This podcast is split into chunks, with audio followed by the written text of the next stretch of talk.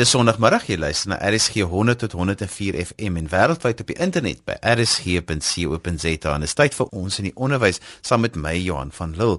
En vandag gesels ons oor die reg vir kinders met ernstige intellektuele gestremthede tot onderwys. Nou om hieroor te gesels het ek vir Santi Terreblans by die ateljee. Santi, welkom by ons in die onderwys. Baie dankie. Vertel vir ons eers by watter organisasie is jy betrokke? Johan, ek werk vir Cape Mental Health.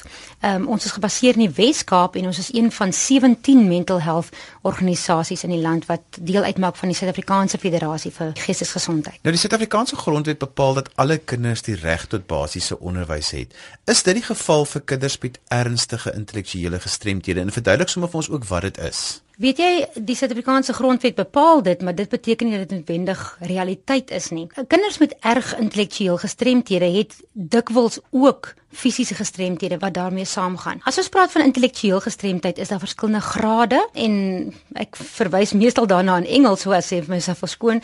Ons praat van mild intellectual disability, moderate intellectual disability, severe en dan profound intellectual disability. Nou ernstige intellektueel gestremdheid maak daai laaste twee groepe, die severe en profound.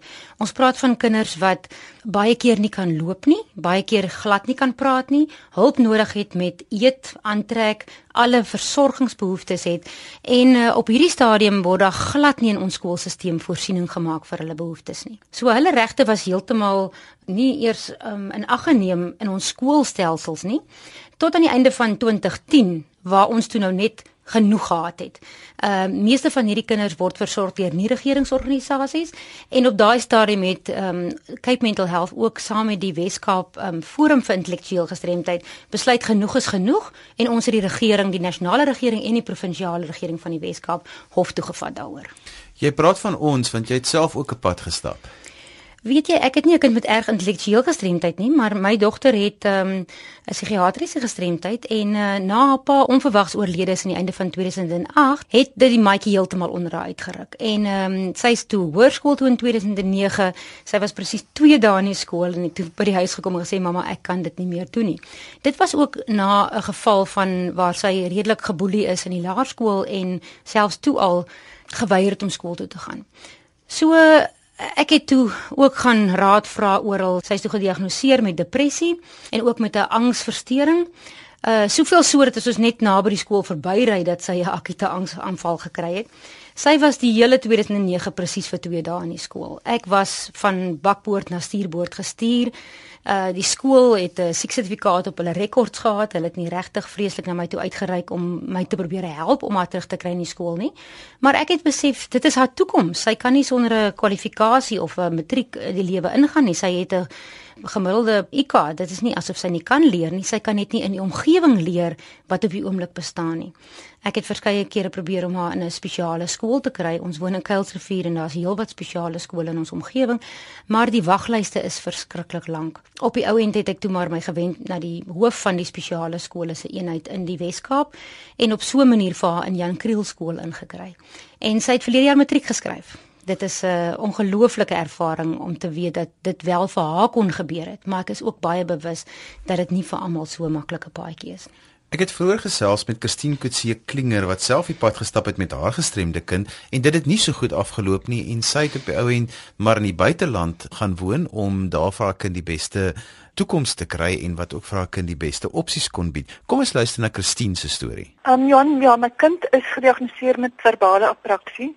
Dit beteken dat sy geweldige probleme het met spraak en spraak is nie iets wat van natuurlik kom nie. Sy is ook uh, matig gehoor gestremd en dra gehoorapparate en sy ly aan aandag afleibaarheid. Aan die begin het ons uh, hulp gekry van die Karel de Tooy sentrum vir gehoorgestremde kinders in die Kaap. Sy is daar gediagnoseer toe sy 2 jaar oud is. Sy was eers in 'n hoofstroom kleuterskool, maar toe sy 3 en 'n half was het ons besluit om haar Karel de Tooy te stuur want ek het net agtergekom dat sy baie meer positiewe dinge daar kan kry as by Hoofstroomskool waar die klasse eintlik te groot is en waar die onderwysers ook nie die opleiding het om regtig te werk met 'n kind met spesiale behoeftes nie. Voor ek verder gaan wil ek net sê baie ouers sukkel met die konsep van 'n gespesialiseerde skool of soos hulle in die ou dae gesê het 'n spesiale skool. Dan baie mense dink nog steeds daar is 'n stigma daaraan. Maar in my ervaring wil ek vir jou sê dat as ek 'n keuse het, sal ek my kind nooit in 'n hoofstroomskool sit nie want die gespesialiseerde skole bied gewoon soveel meer voordele aan kinders met spesiale behoeftes. In ieder geval, uh, my kind het toe vanaf sy 3.5 is na die Karel 2 sentrum toe gegaan waar sy ongelooflike hulp gekry het en dit was die eerste keer wat ons regtig gevoel het ons het ondersteuning vir haar. Maar toe sy aan die einde van graad 2 kom, um, moes sy die skool verlaat omdat daar nie genoeg kinders was om 'n graad 3 klas te hê nie. Ons het toe aansoek gedoen vir haar by twee ander skole wat ons beskou het as gepas vir haar situasie. En by beide is aan ons gesê dat daar nie plek in die skool is nie. Die departement het voorgestel dat sy vir 'n jaar lank na 'n ander skool toe gaan as 'n tydelike oplossing en dan weer aansoek doen by die twee skole. Nou wil ek vir sê dat mens 'n aansoek insit vir die skole en jy gaan deur 'n lang proses van toetse met jou kind wat geweldig stresvol is want baie keer is die toetse ook nie gestreamlined soos mense in Engels sê vir kinders met gestremthede nie. En ek glo dat dit nie regtig die kinders se vermoëns weerspieël nie. En dan wag jy vir soms 6 tot 8 maande om te hoor of jou kind by skool aanvaar is. Dit gebeur dan nou eers hier teen die einde van Oktober. Met ander woorde, as jou kind nie by die skool aanvaar is waar jy hom graag sou wou geplaas gehad nie, dan dit na die einde van Oktober en dan sit jy met 'n probleem, want die skole begin weer in Januarie. En dan moet jy nou van 'n ander skool soek. En ehm um, ons probleem was dat ons sou as ons in Suid-Afrika gebly het, ons het intussen Switserland te verhuis, want ons het nie kans gesien om ons kind vir 'n jaar na 'n tydelike ander skool te stuur en dan weer deur die aansoekproses te gaan en moontlik weer in die situasie te sit waar sy weer nie aanvaar is by 'n gepaste skool nie. So dit is ongelukkig geweldig traumaties vir ouers met gestremde kinders. As jou kind nie in 'n gepaste skool land nie, word hulle in 'n hoofstroomskool geprop van die departement van onderwys het 'n sogenaamde integrasie beleid. Ehm um, die kinders land dan in 'n klas wat heeltemal te groot is in elk geval selfs vir kinders wat nie spesiale aandag nodig het nie. Die onderwysers het geen remedierende onderwys nie en weet nie hoe om met die kinders te werk nie. Hulle het geen assistente nie. Hulle het geen hulpmiddels nie. En kortom word hierdie kinders dan bestempel as probleemkinders of moeilike kinders omdat hulle nie kan omgaan met die um, omstandighede nie en partymal dalk op maniere soos frustrasie of vloermoere uitdrukking gee aan hulle frustrasie en ja, word gewoon op die agterbank geskuif en hierdie kinders gebruik gewoon nie hulle potensiaal nie omdat hulle nie in die regte skool is nie. Christine, voel jy dat jou kind se basiese reg tot onderwys is gerespekteer in hierdie situasie? Ek dink die departement van onderwys wil sê maar hulle het vir ons 'n skool aangebied. Ek voel dit was nie die regte oplossing nie want my kind sou nie in die ideale omstandighede gewees het om haar potensiaal te kan uitleef en om onderwys onder die regte omstandighede te ontvang nie. So wat my aanbetref, is dit nie nagekom nie. Christine, hoe word ouers met gestremde kinders ondersteun in Suid-Afrika? Ek het bevrees daar's baie min ondersteuning. Die mense moet baie hard soek om ondersteuning te kry. Baie van die medisy weet glad nie wat vir skole daar beskikbaar is vir kinders met gestremthede nie my ervaring is dat mens eintlik net deur middel van fisioterapeute of arbeidsterapeute dalk goeie raad kry.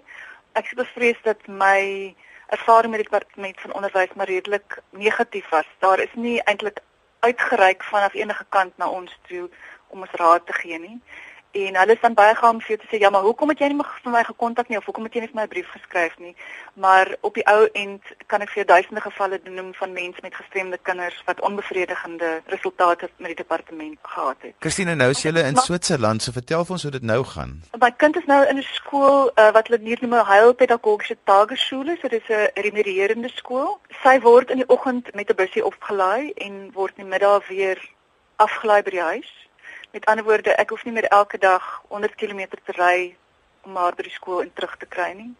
Sy kry middagete by die skool. Die skool uh, bied fisioterapie, arbeidsterapie en spraakterapie by die skool aan, so daar is nie um, na ure nog bykomende ure wat daarmee gevul word nie.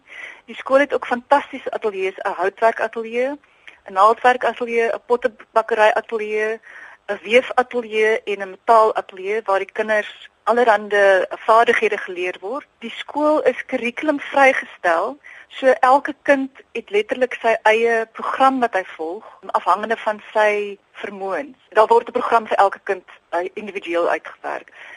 So as jou kind akademies sterk is, fokus hulle meer op ak akademie en as die kind byvoorbeeld ehm um, akademies minder sterk is maar baie goed met handwerk fokus hulle ook meer daarop. En ehm um, hulle kry sport by die skool, daar's 'n binne sy 'n swembad by die skool.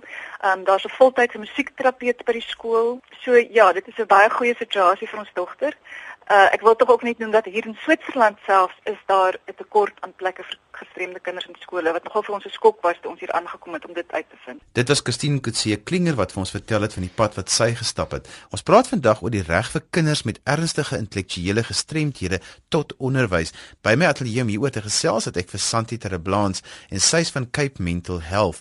Santi, kom ons reageer gou op dit wat Christine vir ons vertel het. Is dit die situasie van baie ouers? Ongelukkig ja. Wêreldwyd is die tendens van inklusiewe onderwys al hoe meer en meer 'n realiteit. En ek het dit self sien werk in 'n land soos Duitsland, waar 'n kind met Down-sindroom wat redelik erg gestremd is, na 'n gewone skool toe kan gaan, in die klas saam met sy ouderdomsgroep geakkommodeer kan word en kan leer volgens 'n spesiale kurrikulum.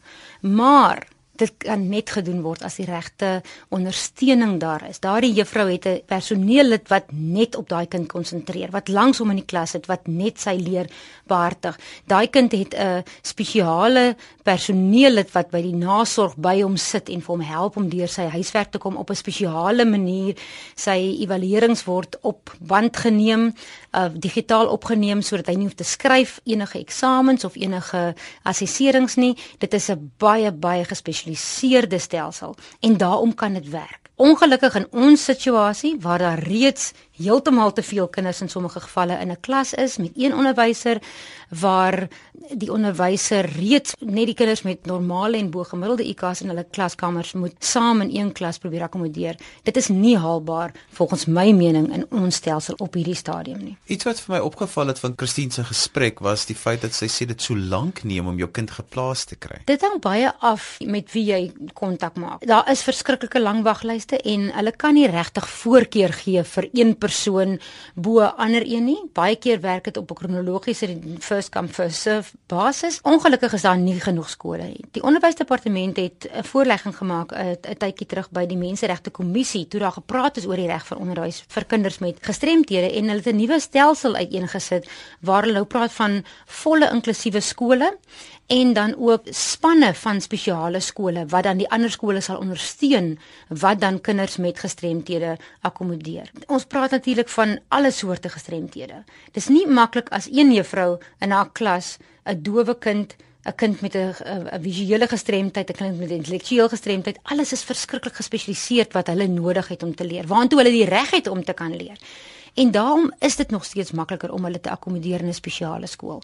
Maar dan verwag ons weer as hulle volwassenes is om in dieselfde arbeidsmark te werk as wat die ander mense werk en wat hulle ouderdomsgroep en hulle peergroep in werk. En dan is dit weer baie moeilik om hulle te integreer. Daar's altyd voordele en nadele aan albei van hierdie stelsels gekoppel. Jy het so vroeg in die program so bietjie daarna verwys, maar dalk is daar mense wat nou eers ingeskakel het. Wie tot nou toe omgesien na die kinders met ernstige intellektuele gestremthede? Weet jy in die Wes-Kaap is ons bevoorreg om baie passievolle mense te hê. En onder andere was daar 'n uh, professor by die Universiteit van Kaapstad, professor Vera Grower. Sy is oorlede al, maar sy het dit haar saak gemaak om voorsiening te maak vir hierdie kinders wat nie geakkommodeer word nie. En as gevolg van haar harde werk is daar in die Weskaap nou 42 spesiale sorgsentrums wat deur nie-regeringsorganisasies opgerig is vir dagprogramme en party ook residensiële versorging van hierdie kinders. Maar nie-regeringsorganisasies het altyd 'n probleem met fondse. Daarom kan ons nie hoogs gespesialiseerde personeel aanstel nie en baie van die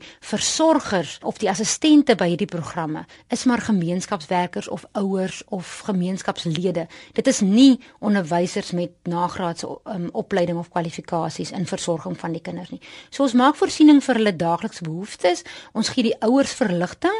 Hierdie ouers is 24 uur van die dag besig om hierdie kind te versorg. Hulle kom nooit daarvan af weg nie. Santi in 2010 het die Hooggeregshof 'n uitspraak gelewer juis vir hierdie kinders om hulle reg op basiese onderwys te erken en die regering opdrag gegee om 'n strategie te ontwikkel om hulle spesiale behoeftes aan te voorsien. Wat het die regering gedoen na hierdie uitspraak? Weet jy, uh, die respondente in hierdie hofsaak was die nasionale regering want ons in die Wes-Kaap wat dit gedryf het, het besef Al kry ons 'n uitspraak ten gunste van onsself, help dit nog nie die kinders in die ander 8 provinsies nie. Wel, hulle moet uh, toe binne 'n sekere tydperk vir ons 'n verslag gegee het oor wat hulle gaan doen. Ons verstaan dat op 'n uh, regeringsvlak gaan hulle meer die sisteme in plek sit en die policies en procedures daarstel wat die implementering aanbetref. Op hierdie stadium is ons nie regtig tevrede met die vordering wat daar gemaak word nie. Daar is al werk ingesit, ons kan agterkom, maar ons is nie 100% oortuig van ons taakspan se kant af van die van die Weskaap Forum dat hulle presies weet na watter kinders ons verwys nie. Want die verslag wat ons gekry het verwys na hoeveel kinders in spesiale skole is en dit is nie die dit is nie die kinders waarvan ons praat nie. Daai kinders het reeds toegang tot onderwys. Ons praat van die kinders wat nog buitekant hierdie onderwysstelsel sit. Ehm um, op provinsiale regering se se se kant en daar da is ons besonder gelukkig om in die Wes-Kaap 'n uh, departement van maatskaplike ontwikkeling te hê, 'n departement van gesondheid, uh, departement van basiese onderwys en ook openbare werke wat bymekaar gekom het en 'n taakspan gevorm het met die Wes-Kaap Forum vir Intellektueel Gestremdheid en ons vergader op 'n maandelikse basis om die vordering te monitor. Wat nou al gebeur het is dat daar's 'n kommitment, daar's regtig 'n passie vir vir hierdie kinders. Ons het ook mense blootgestel aan aan die omstandighede ehm um, waar waar waar aan hierdie kinders blootgestel word. En ehm um, Ek voel regtig op hierdie stadium in die Wes-Kaap maak ons ongelooflike vordering. Dis ook die eerste keer dat hierdie departemente regtig gedwing word om met mekaar saam te werk en ons sien ongelooflike uh, vordering wat dit aanbetref. So is dit hoe die omstandighede van hierdie kinders basies verander het na hierdie uitspraak. Weet jy in die Wes-Kaap, daar's min vordering in die res van die land, um, ook wat terugvoer nou van die ander um, mental health societies af gekom het. Maar in die Wes-Kaap het uh, die regering spesifiek geld op sy gesit wat hulle nou aan hierdie spesiale sosiale sorgsentrums betaal in in die vorm van subsidies. So wat ons kon doen, hulle het vir ons 'n subsidie gegee vir vervoer. Hierdie kinders het spesiale vervoer nodig. Hulle kan nie sommer in enige motor net inge, ingeprop word en vervoer word nie. Hulle het ook vir ons subsidie gegee vir poste. Daar's 'n nuwe posvlak ingesluit wat ons noem 'n program implementeerder en hulle het ook vir ons pos subsidies gegee vir ons versorgers of assistent program implementeerders um ook vir die werwing en die opleiding van hierdie personeel. So die omstandighede waar ons voorheen een versorger tot sê nou maar 10 of 15 kinders gehad het, het kon ons dit nou regkry om 1 tot 8 te wees. Wat 'n groot verskil maak in die kwaliteit van versorging wat gebied kan word. Dis nog nie ideaal nie. Ons is nog glad nie daar waar ons wil wees nie, maar dit help vreeslik baie om 'n ekstra geldinspuiting te hê om beter na hierdie kinders te kan omsien. Sandy, maar die kinders waarna jy verwys val so klein bietjie buite kan die grense byvoorbeeld wat Christine se dogtertjie was. Kan jy vir ja. ons verduidelik dit wat daar gebeur want ek al het ons nou Christine se frustrasie gesien want dit was my belangrik dat dit met illustreer. Is die kinders waarvan jy praat nog meer gestremd as wat ehm um, Christine se dogtertjie is? Dis reg. Hierdie kinders het almal baie beperkte intellektuele kapasiteit. Hulle het heeltemal 'n ander kurrikulum nodig en versorging maak 'n groot deel van hulle dagprogram uit. Heelwat van hulle is byvoorbeeld nog op doeke waar hulle geen beheer oor hulle funksies het nie. Hulle het ook nodig om gevoer te word, om spesiale uh, vervoer te hê na en van die sentrums af. Uh heelwat van hulle kan nie praat nie, dan moet spesiale stelsels in plek gesit word om te kan kommunikeer met hulle maar dit vat nie hulle reg tot onderwys weg nie. Die feit dat jy nie 'n matriek gaan maak of selfs 'n graad 7 gaan maak nie, vat nie jou reg tot tot basiese opvoeding en onderwys weg nie. So daar's heeltemal 'n nuwe manier van dink nodig. Ons is nie 'n eerste wêreldse land nie. En eerste wêreldse lande spandeer heelwat heelwat meer geld aan hulle onderwys vir hulle nie gestemde kinders, maar ook vir hulle gestemde kinders. En uh, ons is nog glad nie daar nie. Ons is dalk beter af as 'n paar ander lande in Afrika, maar ons is nog glad nie daar nie. So ek neem nie mense kwaadlik wat die besluit neem dat ter wille van my kind se toekoms en my kind se onderrig neem ek die besluit om na 'n land te gaan waar daar beter voorsiening gemaak is nie. Maar ons wat agterbly moet maar aanhou om te praat en te lobby en te probeer om die beste vir ons kinders met gestremdheid daar te stel. Waar kan ouers met kinders met baie ernstige intellektueel gestremthede meer inligting kry? Vertel ook van hierdie veldtog waarmee jy besig is. Weet jy, uh, ons is maar altyd besig met 'n veldtog vir vir beter dienste en beter verstaan van behoeftes van mense met intellektueel gestremthede en dit hou nooit op nie. Hierdie ouers met kinders met ernstige intellektueel gestremthede wat nie op die oomblik hulle kinders in 'n in 'n sentrum kan kry nie of in 'n skool kan kry nie as gevolg van die funksionaliteit van die kind. Daai ouers het 'n ongelooflike las wat hulle met hulle saamdra. Hierdie kind van hulle gaan nooit onafhanklik wees nie. Hierdie kind van hulle het 24 uur van 'n dag hulp en versorging nodig. Ons sien baie keer dat hierdie ouers self geestesgesondheidsprobleme opdoen soos depressie, hulle brand uit omdat hulle uh, hulle word half gevange gehou deur hierdie situasie waarin hulle is. Wat ek in Duitsland gesien het, een van die persone wat wat ons ehm um, daar gehou het, het het self 'n kind met met erge gestremdheid, maar daai kind woon in haar eie woonstel. Sy het personeel wat in die oggend kom om haar aan te trek, sy het personeel wat na haar omsien deur die dag, sy het personeel wat die aandroetine kom doen, sy het 'n personeel wat by haar slaap. Sy is so onafhanklik as wat sy kan kom. Dit is nie die realiteit in ons land nie. Wat ons sien met hierdie kinders met erge gestremdheid is die ouer is die primêre versorger en bly die primêre versorger lewenslank. Ehm um, hierdie kinders word volwassenes. Hulle word swaar, hulle word groot, hulle moet in die bad getel word, hulle moet versorg word. Daardie ouers word ouer. Die grootste bekommernis vir party van hierdie ouers is wat gaan van my kind word wanneer ek nie meer daar is nie. En ek dink daar moet baie meer ondersteuning. Christine het verwys na die na die gebrek aan ondersteuning vir ouers met gestremde kinders en daar moet ons regtig ons dienste verbeter om die ouers um, te begelei, maar ook vir hulle daai tyd af te gee om die las van die versorging vir hulle ligter te maak.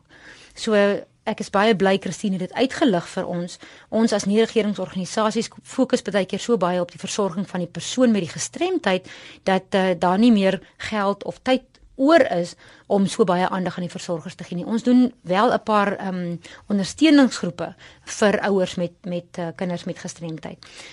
Mense wat meer inligting wil hê, ehm um, die persoon by die departement van maatskaplike dienste, maatskaplike ontwikkeling wat op die oomblik die projek leier van hierdie projek is, is Nina Klein. Sy self is 'n arbeidsterapeut wat self in 'n skool vir persone met intellektueel gestremdheid gewerk het en sy het regtig ehm um, passion and compassion vir die ouers met hierdie ehm um, kinders en uh, sy kan gekontak word by telefoonnommer 021 483 2197 of by nina.klein@westerncape.gov.za klein soos k l e i n nina klein at westerncape.gov.za en sy sal die regte leiding kan gee um, sou dit wees om 'n verwysing te kan doen na 'n spesifieke spesiale sorgsentrum toe of om op 'n waglys te kom. Ehm um, ons is besig om die waglyste te ondersoek op die oomblik om daai punt te maak dat daar heelwat kinders is wat selfs nog nie eens gekoppel is aan 'n spesiale sorgsentrum nie. Nou ja, dis alwaar vir ons tyd het vir vandag. Van 'n volgende week gesels ons in ons in die onderwys oor rekeningkunde en ek het vir meneer Purden Anthank gevra om die matrieks te kom help om hulle matriekeksamen te hersien vir rekeningkunde. Onthou jy kan weer na die program luister as 'n potgooi laai dit af by rsg.co.za. Skryf gerus vir my as jy enige kommentaar het op die program of as 'n onderwerp is wat jy graag wil hê ons moet aanroer in ons in die onderwys. My e-posadres is Johan@wwd.co.za. Dis Johan@wwd.co.za. Of stuur 'n SMS aan 3343 teen R1.50 per SMS. Onthou gratis minute tel nie. Nou ja, tot volgende Sondag wanneer ons praat oor rekeningkunde van my Johan van Lille. Totsiens.